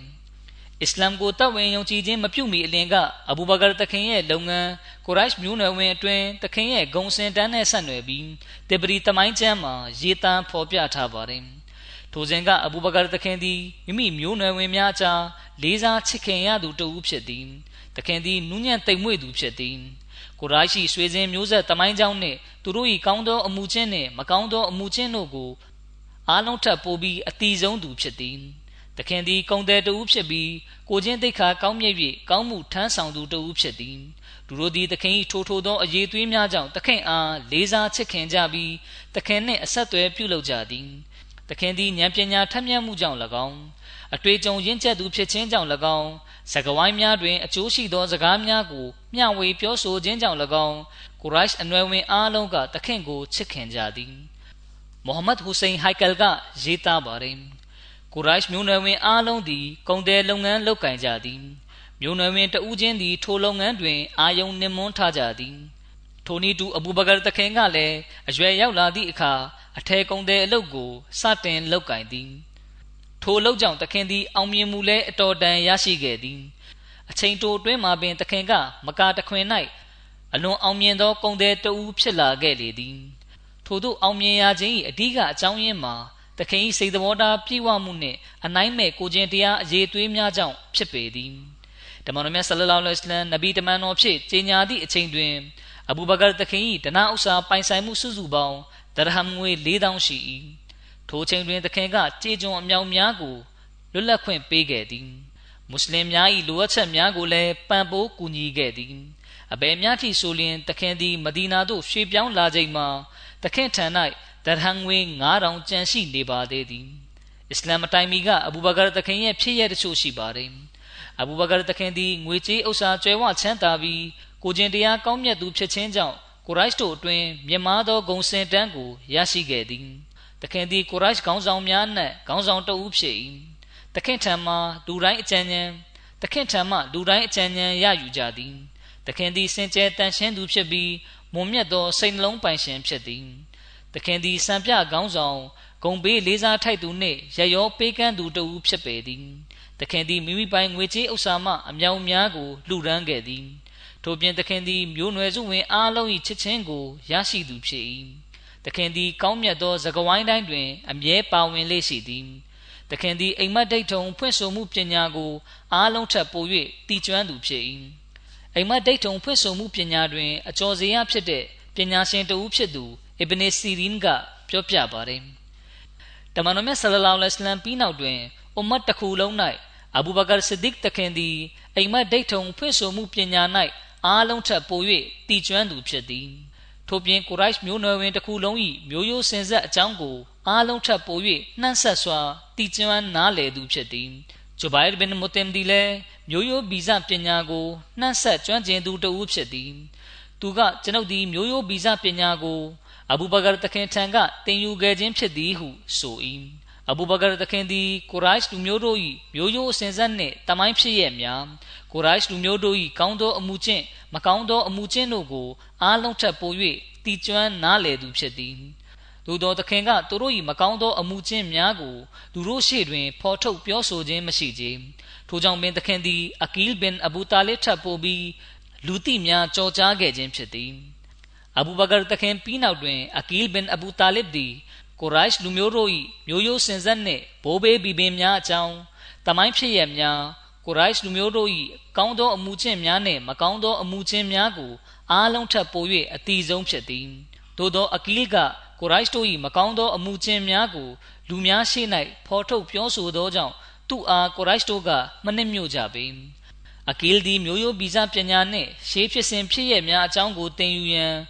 မစဂျစ်နဘဝီရှိအဘူဘကာတခင်ထံသို့လာရောက်စီးပူးလေးရှိသည်မကာသားတို့သည်အဘူဘကာတခင်အားမွန်မြတ်စင်ကြဲသူတဦးနေဖြင့်ရှုမြင်ကြသည် ထို့ကြောင့်လူတို့သည်အခက်ခဲကြုံလေတိုင်းအဘူဘကာတခင်ထံမှအကူအညီတောင်းခံတတ်ကြလေသည်မကာတွင်နေထိုင်ကြသောမျိုးနွယ်အသီးသီးတို့သည်ကာဘာကျောင်းတော်အတွက်တောင်းဝင်အသီးသီးကိုကိုစီခွဲဝေ၍လှုပ်ဆောင်ကြရသည်ယင်းတို့နှင့်ဘနူအဗ်ဒေမွနာဖ်လူမျိုးနယ်ကဟာဂျီများကိုရေတိုက်ကြွေးခြင်းလိုအပ်ချက်များကိုပံ့ပိုးကူညီခြင်းစသည်တို့အားတာဝန်ယူဆောင်ရွက်ရသည် ထို့ပြင်ဘနူအဗ်ဒေဒါလူမျိုးစုကစစ်ပွဲကာလတွင်စစ်ရေးအုံဆောင်ပစ္စည်းများစီမံပေးခြင်းကာဘာကျောင်းတော်ကိုစောင့်ကြပ်ခြင်းနှင့်ဒါရုလ်နဒဝါအရေးကြီးကိစ္စများဆွေးနွေးရန်အတွက်မကာမခေါင်းဆောင်ကြီးကဲများစုဝေးရာအရက်တွင်ဆွေးနွေးမှုပြုလုပ်သည့်အခါလိုအပ်သည့်များစီစဉ်ပေးခြင်းစသည်တို့အားတာဝန်ယူဆောင်ရွက်ရသည်ထို့ပြင်စစ်တပ်ကိုကြီးကြပ်ကွပ်ကဲခြင်းတာဝန်ကိုခါလစ်ဘင်ဝလီတခင်ရဲ့မျိုးနွယ်စုဖြစ်တဲ့ ဘနုမခဇုမ်လူမျိုးစုကတာဝန်ယူဆောင်ရွက်ရသည်စစ်ရောချင်းငွေကောက်ခံခြင်းတာဝန်ကိုအဘူဘကာတခင်၏မျိုးနွယ်ဖြစ်သောဘနုတန်ဘင်မိုရာလူမျိုးစုကတာဝန်ယူဆောင်ရွက်ရသည်ထို့နောက်အဘူဘကာတခင်အရွယ်ရောက်လာသည့်အခါထိုတာဝန်ကိုတခင်အားအနှင်းခဲ့သည်ကိုရရှ်နွယ်ဝင်အားလုံးကရောချင်းငွေပမာဏနှင့်ဆက်လင်း၍အဘူဘကာတခင်ကတစုံတရာဆုံးဖြတ်သည်ဆိုလျှင်တလေးတစားလက်ခံကြပြီးအခြားသူတဦးကဆုံးဖြတ်ချက်ပေးလျင်လက်မခံကြကြ ဟယ်ဖူလ်ဖူဇူလ်အဖွဲ့တွင်လည်းအဘူဘကာတခင်ကပါဝင်ခဲ့လေသည်ထိုအဖွဲ့၏ရည်ရွယ်ချက်မှာစင်ရန်နွမ်းပါသူများကိုကူညီရန်ဖိနှိပ်ကံများကိုကူညီစောင့်ရှောက်ရန်ဖြစ်သည်အစ္စလာမ်တိုင်မီခေတ်ကာလတုန်းကအရဗ်တခွင်ရှိစိတ်တော်ရိုးဖြောင့်သူတို့ကမိမိတို့အနေဖြင့်အကျွေးရစရာရှိသူများ၏ရပိုင်ခွင့်ကိုပြန်လည်ရရှိအောင်ကူညီပေးကြမည်မတရားပြုသူကို မတရားမှုမှဆွန့်ခွာရန်ဟန်တားကြမည်ဟု အစည်းအဝေးတရက်ပြုလုပ်ပြီးအဋိဌံပြုကြရန်စိတ်ကူးမိကြသည်အာရဗ်တွင်ရပိုင်ခွင့်ကိုဖဇလ်ဟုခေါ်၏ယင်း၏အများကိန်းကဖူဇူလ်ဖြစ်၏ထို့ကြောင့်ထိုဖွဲ့စည်းနာမည်ကဟယ်ဖူလ်ဖူဇူလ်ဖြစ်လာသည်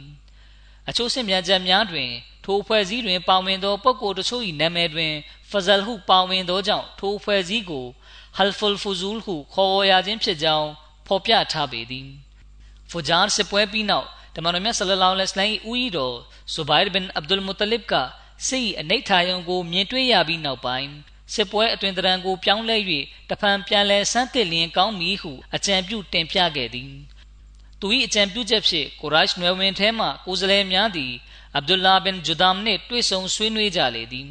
ဤသည်အဗ်ဒุลလာဘင်ဂျူဒမ်၏ဖိတ်ကြားမှုတရက်ဖြစ်သည်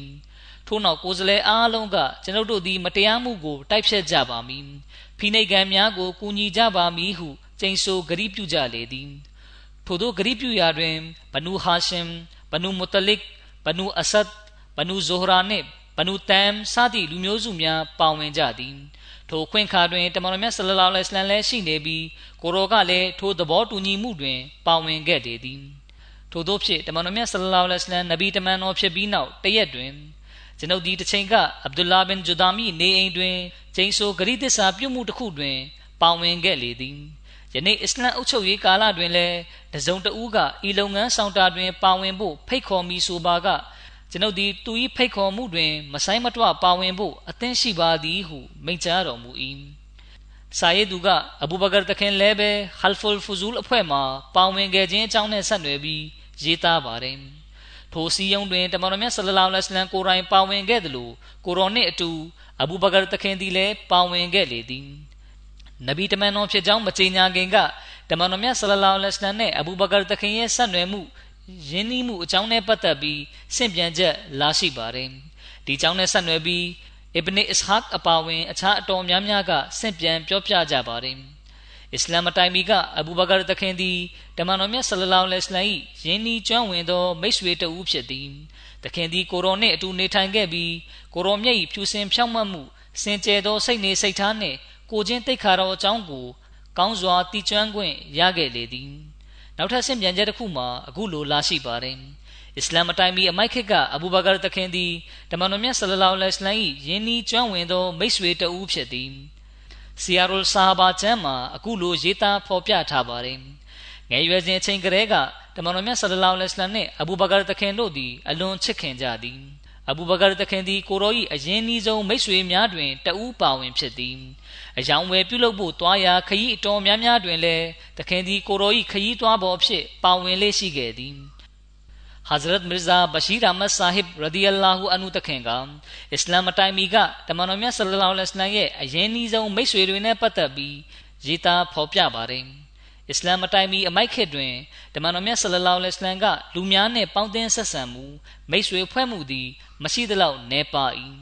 ထိုချိန်ကာလမှာကလေးကကိုရောသည်တူဒီတီးခြားနေခြင်းကိုနှစ်သက်၏ထို့ကြောင့်ကိုရောကမိမိဘဝတစ်လျှောက်လုံးတွင် မကာရှိမိသည့်အဖွဲ့အစည်းတွင်မျှရောနောပါဝင်ခဲ့ခြင်းမရှိခြင်းသို့သောကိုရောနှင့်ယင်းဤကျွမ်းဝင်သော လူပုဂ္ဂိုလ်တချို့ရှိ၏သို့သော၎င်းတို့နှင့်မတူခြားနာသော လူပုဂ္ဂိုလ်တဦးရှိ၏ သူသည်အဘူကာဖာ၏သားအဘူဘကာပင်ဖြစ်သည်မျိုးရုပ်ကုန်မြင်မာသောအနွယ်ဝင်သေးမှဖြစ်သည်စိတ်တော်ရိုးဖြောင်ပြီးကောင်းမြတ်သောအရေးသွေးများပိုင်ဆိုင်ထားသောကြောင့်လူတို့၏လေးစားသမှုဖြင့်ဆက်ဆံခြင်းကိုခံရသူဖြစ်သည်ကိုရောနှင့်ယင်းဤသောနောက်ထပ်မိတ်ဆွေတဦးမှာဟကင်ဘင်ဟီဇမ်ဖြစ်သည်သူကခဒီဂျာတခင်မ၏တူတော်ဖြစ်သည်သူသည်လည်းစိတ်တော်သားပြည့်ဝသူတဦးဖြစ်သည်ကနဦးကာလတွင်အစ္စလမ်ကိုလက်မခံခဲ့တော်လဲကိုရော့ကိုအလွန်ချစ်ခင်သူဖြစ်၏ နောက်ဆုံးတွင်တော့သူ၏စိတ်တော်ကောင်းမြတ်မှုကသူ့အားအစ္စလမ်ဘတ်သို့ဆွဲငင်ခြင်းခံရလေသည်ထို့နောက်တမန်တော်မြတ်ဆလလောလဟ်အလัยဟိဝါစလမ်နှင့်ယင်းဤကျွမ်းဝင်သောနောက်ထပ်ပုဂ္ဂိုလ်တဦးမှာဇိုက်ဘင်အမာဖြစ်သည်ဇိုက်သည်ဥမာတခင်နှင့်ဆွေမျိုးတော်ဆက်သူဖြစ်၏သူသည်အမိုက်ခေတ်မှာကလေးကရှရစ်ရုတ်တုကိုးကွယ်ခြင်းအနီးပါးသို့ပင်မချင်းကပ်ခဲ့ခြင်းထို့ပြင်သူကကျွန်ုပ်သည်တမန်တော်အေဗရာဟင်၏သာသနာဝင်နောက်လိုက်များအနက်မှဖြစ်သည်ဟုပြောဆိုခဲ့သူဖြစ်သည် သို့သောသူသည်အစ္စလာမ်ပေါ်ထွန်းခင်မှာပင်ကွယ်လွန်ခဲ့လေသည်မိတို့ဆိုစေအဘူဘကာတခင်ကတမန်တော်မြတ်ရဲ့အရင်နှီးဆုံးမိတ်ဆွေများနဲ့အဆင့်တစ်နေရာမှာရှိနေပါတယ်အစ္စလာမ်အတိုင်းမီအမိုက်ခေတ်မှာကလေးကအဘူဘကာတခင်သည်ရှရစ်အလာနှင့်ရှင်ဘတ်ထားကိုးကွယ်ခြင်းကိုအလွန်ဆက်ဆုပ်မုန်းတီးပြီးရင်းမှရှောင်ကျဉ်လေသည်ထိုချိန်ကလေးကသခင်သည်မိတို့သောရှရစ်လောက်ရက်ကိုမျှ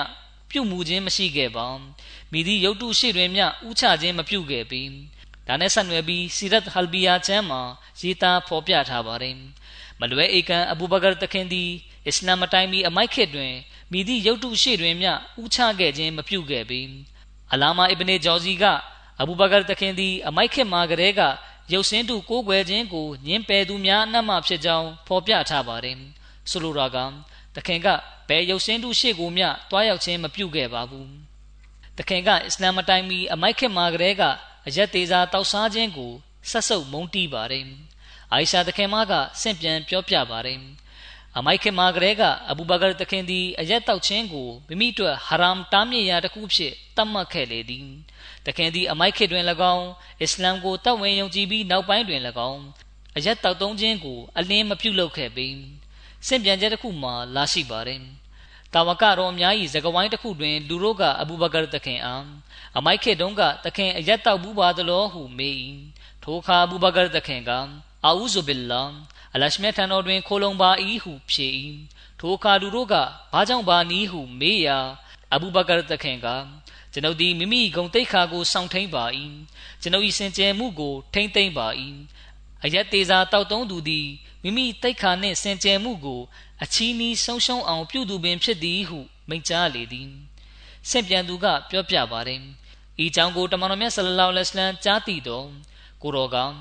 ဆဒကဟူအဘူဘကာရင်အဘူဘကာသည်မှန်သောစကားကိုဆိုလေသည်ဟုမိန့်ကြားတော်မူ၏ဤစကားကိုတမန်တော်မြတ်ကနှစ်ကြိမ်နှစ်ခါမိန့်ကြားတော်မူခဲ့၏အဘူဘကာတခင်အစ္စလမ်သာသနာကိုလက်ခံခဲ့ပုံအကြောင်းနဲ့ဆက်နွယ်ပြီးစင့်ပြန်ချက်အသီးသီးလာရှိပါတယ် တချို့စင့်ပြန်ချက်တွေကအကျယ်တွင်းရှိပြီးတချို့စင့်ပြန်ချက်တွေကအတူကျုပ်ပဲဖော်ပြထားကြပါတယ်ယခုအဲ့ဒီတဲကတချို့ကိုတင်ပြပါမယ်အိုင်ရှာတခင်မကစင့်ပြန်ပြောပြပါတယ်ကျမတိတက်ဆအရွယ်မှဆ၍ကျမ၏မိဘနှစ်ပါးသည်ဤသာသနာတော်အစ္စလမ်၌သာယက်တီလျက်ရှိခဲ့သည်ထို့ပြင်နနက်အချိန်တွင်ရောညအချိန်တွင်ပါဓမ္မတော်မြတ်သည်ကျမတို့ထံမလာရောက်ခဲ့သောနေ့ဟု၍မရှိခဲ့ကြ အဘူဘကာတခင်အစ္စလမ်ကိုလက်ခံလာခဲ့ပုံကြောင်းနဲ့ဆက်နွယ်ပြီးစင့်ပြန်ချက်အမျိုးမျိုးလာရှိပါတယ်ရှရာဇာကာနီကျမ်းမှာအဘူဘကာတခင်အစ္စလမ်ကိုလက်ခံခဲ့ပုံကြောင်းနဲ့ဆက်နွယ်ပြီးအခုလိုရေးသားဖော်ပြထားပါတယ်။ဒီနေ့တွင်အဘူဘကာတခင်သည်ဟကင်ဘင်ဟီဇာမီနေအိမ်တွင်ရှိနေ၏ထိုစဉ်အစေခံတဦးရောက်လာပြီးအသိအတော်ခဒီဂျာတခင်မကသူမ၏ခင်မွန်တမန်တော်မြတ်ကမူဆာကဲ့သို့တမန်တော်ဖြစ်ဆေလိုချင်းခံရသူဖြစ်သည်ဟု ပြောနေသည်ဟု၍ဆိုလေသည် ထိုစကားကိုကြားရသောအခါအဘူဘကာတခင်ကထိုနေရာမှတိတ်တဆိတ်ထွက်ခွာသွားလေသည်ထို့နောက်တမန်တော်မြတ်ထံတော်သို့တွားရောက်လျက်အစ္စလာမ်ကိုလက်ခံခဲ့လေသည်စီရတ်အစ်ဘနေဟီရှမ်ချန်ကိုအကျယ်ရှင်းလင်းရေးသားတဲ့ရူဆူလ်အန်ဖ်ချန်မှာအဘူဘကာတခင်မြင်မှတ်တဲ့အိမ်မက်အကြောင်းနဲ့အစ္စလာမ်ကိုတောက်ဝင်ယုံကြည်လာခဲ့ပုံအကြောင်းကိုအခုလိုရေးသားဖော်ပြထားပါတယ်။အစ္စလာမ်အတိုင်းပြီးအမိုက်ခေတ်တွင်အဘူဘကာတခင်ကအိမ်မက်တစ်ခုမြင်မှတ်၏။အိမ်မက်၌မကာတို့လာရစင်းတက်ဆင်းလာ၏။ ထို့နောက်ထိုလသည်အစိတ်စိတ်အပိုင်းပိုင်းဖြစ်လျက်မကာမြို့ရှိနေရာအနှံပြားနှင့်အိမ်များသို့ပြန့်နှံ့ရောက်ရှိသွားသည်ကိုမြင်ရသည်။ထို့နောက်လာ၏အစိတ်ပိုင်းတစ်ခုချင်းသည်အိမ်တိုင်းသို့ဝင်ရောက်သွား၏ထို့နောက်ထိုလသည်တခင်ရင်ခွင်၌စူစည်းခြင်းခံရလေသည်ထို့သောအိမ်မက်မြင်ပြီးနောက်အဘူဘကာတခင်ကကျမ်းရာအုပ်စုမှပညာရှင်တချို့ထံမိမိမြင်မှတ်သောအိမ်မက်အကြောင်းကိုပြောပြ၏ထိုအခါ၎င်းတို့ကနဗီတမန်တော်တစ်ပါးပွင့်ပေါ်ရန်ရှိပြီး ယခုထိုတမန်တော်ပွင့်ပေါ်မိခေတ်ကာလရောက်ရှိလာပြီအသင်သည်ထိုနဗီကိုနောက်လိုက်သူဖြစ်လိမ့်မည်ထို့အတွက်ကြောင့်အသင်သည်လူတို့နှင့်ကံကောင်းထောက်မှသူဖြစ်ပေလိမ့်မည်ဟုအနက်ဖွင့်ဆိုပြောပြလေသည်ထိုနောက်တွင်တမန်တော်မြတ်သည်အဘူဘကာတခင်အားအစ္စလမ်ဘတ်သို့ဖိတ်ခေါ်ခဲ့သည်ထိုအခါအဘူဘကာတခင်ကမဆိုင်မတွယုံကြည်တောက်ဝင်ခဲ့သည်ဆဘီအလ်ဟူဒါကျမ်းမှာအဘူဘကာတခင်အစ္စလမ်ကိုတောက်ဝင်ယုံကြည်လာပုံကြောင်းနဲ့ဆက်နွယ်ပြီးအခုလိုဖော်ပြထားပါတယ် ကာဘ်တခင်ကဆင့်ပြန်ပြောပြပါတယ်အဘူဘကာတခင်သည်ကောင်းကင်ယံမှတဆင်းကြရောက်သောဝဟီပြားလေးတစ်ခုကိုအကြောင်းခံလျက်အစ္စလမ်သာသနာကိုလက်ခံခဲ့ခြင်းဖြစ်သည်ယင်းပြားရိတ်တော်မှာဤသို့ရီအဘူဘကာတခင်သည်အယောင်ဝယ်ကိစ္စတစ်ခုဆောင်ရွက်ရန်စီးရီးယားသို့ထွက်ခွာလေသည်ယင်း၌တခင်သည်အိမ်မက်တစ်ခုမြင်မှတ်၏ထို့နောက်တခင်ကထိုအိမ်မက်ကိုဗဟီရာမီရှိ ဖုံတော်ကြီးတစ်ပါးကိုပြောပြခဲ့သည်ထိုအခါဗဟီရာက အသင်ဘယ်ရက်ကလာသနည်းဟုမေးရာတခင်က မကာကဖြစ်ကြောင်းဖြေ၏ထိုအခါဖုံတော်ကြီးက မကာရဲ့ဘယ်လူမျိုးနွယ်စုကလဲဟုမေးရာတခင်ကကိုရိုက်မျိုးနွယ်စုတွေကဖြစ်သည်ဟုဖြေ၏ထို့နောက်ဖုံတော်ကြီးကအသင်ဘာအလုပ်လုပ်သနည်းဟုမေးရာတခင်ကကျွန်ုပ်ကုံတယ်လုပ်လုပ်ပါသည်ဟုဖြေ၏ထို့နောက်ဗဟီရာကအလာဒီအသင်မြတ်သောအိမ်မက်ကိုမှန်ကန်ပြည့်စုံလာအောင် ပြုတော်မူပါလိမ့်မည် အသင်၏မျိုးနွယ်စုအတွင်းကနဗီတမန်တော်တစ်ပါးပေါ်ထွန်းလာပေလိမ့်မည်ထို့ပြင်အသင်သည်ထိုတမန်တော်တတ်တော်ထင်ရှားရှိချိန်၌သူအားထောက်ခံသူဖြစ်ရှိမည်ဖြစ်ပြီးထိုတမန်တော်ကွယ်လွန်ချိန်မှာသူ့အားဆက်ခံသူခလီဖာဖြစ်ပေလိမ့်မည်အဘူဘကာသခင်သည်တမန်တော်မြတ်ဆလလောလဟ်အလัยဟ်နဗီတမန်တော်ဖြစ်ကြောင်းကြေညာချိန်ထိတိုင်ထိုအိမ်မက်အကြောင်းကိုမိသူကိုမျှမပြောဘဲတည်ဝတ်ထားခဲ့သည်တမန်တော်မြတ်ဆလလောလဟ်အလัยဟ်နဗီဖြစ်ကြောင်းကြေညာသည့်အခါအဘူဘကာသခင်ကတမန်တော်မြတ်ကို အိုးမုဟမ္မဒ်ယခုအသင့်ကြေညာချက်အတွက်မိသည့်အထောက်ထားရှိသနည်းဟုမေး၏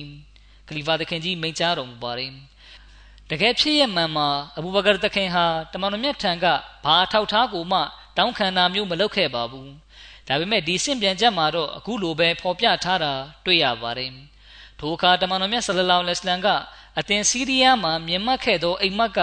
ရင်းတွက်တတ်သေးဖြစ်သည်ဟုမိန့်ကြားလေသည် ထို့နောက်တွင်အဘူဘကာသခင်သည်တမန်တော်မြတ်အားလက်ခံလျက်သခင်၏နဖူးတော်အားနမ်းရှုပ်ပြီးသခင်သည်အလာ၏တမန်တော်ဖြစ်ကြောင်းကျွန်တော်မျိုးတတ်သေးခံပါ၏ဟုပြောလေသည်ဒီစင်ပြချက်မှာအဘူဘကာသခင်ရဲ့အိမ်မက်အကြောင်းကိုဖော်ပြထားပေမယ့်အိမ်မက်မှာဘာတွေမြင်ခဲ့ရတယ်ဆိုတဲ့အသေးစိတ်အချက်လက်တွေကိုတော့ဖော်ပြမထားပါဘူးစီရတ်ဟလ်ဘီယာကျမ်းမှာဒါကအဘူဘကာသခင်မြင်မှတ်တဲ့လာဒဇင်းသက်ဆင်းလာပြီးအစိတ်စိတ်အပိုင်းပိုင်းဖြစ်သွားတယ်ဆိုတဲ့အိမ်မက်ကိုရည်ညွှန်းခြင်းဖြစ်ကြောင်း ဖော်ပြထားပါတယ်ဒီစင်ပြန်ချက်ကိုအထက်မှာကျွန်တော်တင်ပြခဲ့ပြီးဖြစ်ပါတယ်ဒီနောက်မှာအဘူဘကာသခင်ကမိမိရဲ့အိမ်မက်ကိုဗဟီရာဖုံးတော်ကြီးကိုပြောပြခဲ့ပါတယ်ဒါနဲ့ဆက်နွယ်ပြီးအသေးစိတ်တင်ပြထားတဲ့စင်ပြန်ချက်တွေရှိပါသေးတယ်အင်ရှာလာနောက်ခါမှာဆက်လက်တင်ပြပါမယ် الحمد لله الحمد لله نحمده ونستعينه ونستغفره ونؤمن به ونتوكل عليه. ونعوذ بالله من شرور أنفسنا ومن سيئات أعمالنا. من يهده الله فلا مضل له ومن يضلله فلا هادي له. ونشهد أن لا إله إلا الله. ونشهد أن محمدا عبده ورسوله. عباد الله رحمكم الله. إن الله يأمر بالعدل واللسان وإيتاء ذي القربى. وينهى عن الفحشاء والمنكر والبغي يعظكم لعلكم تذكرون. اذكروا الله يذكركم وذوه يستجب لكم ولذكر الله أكبر.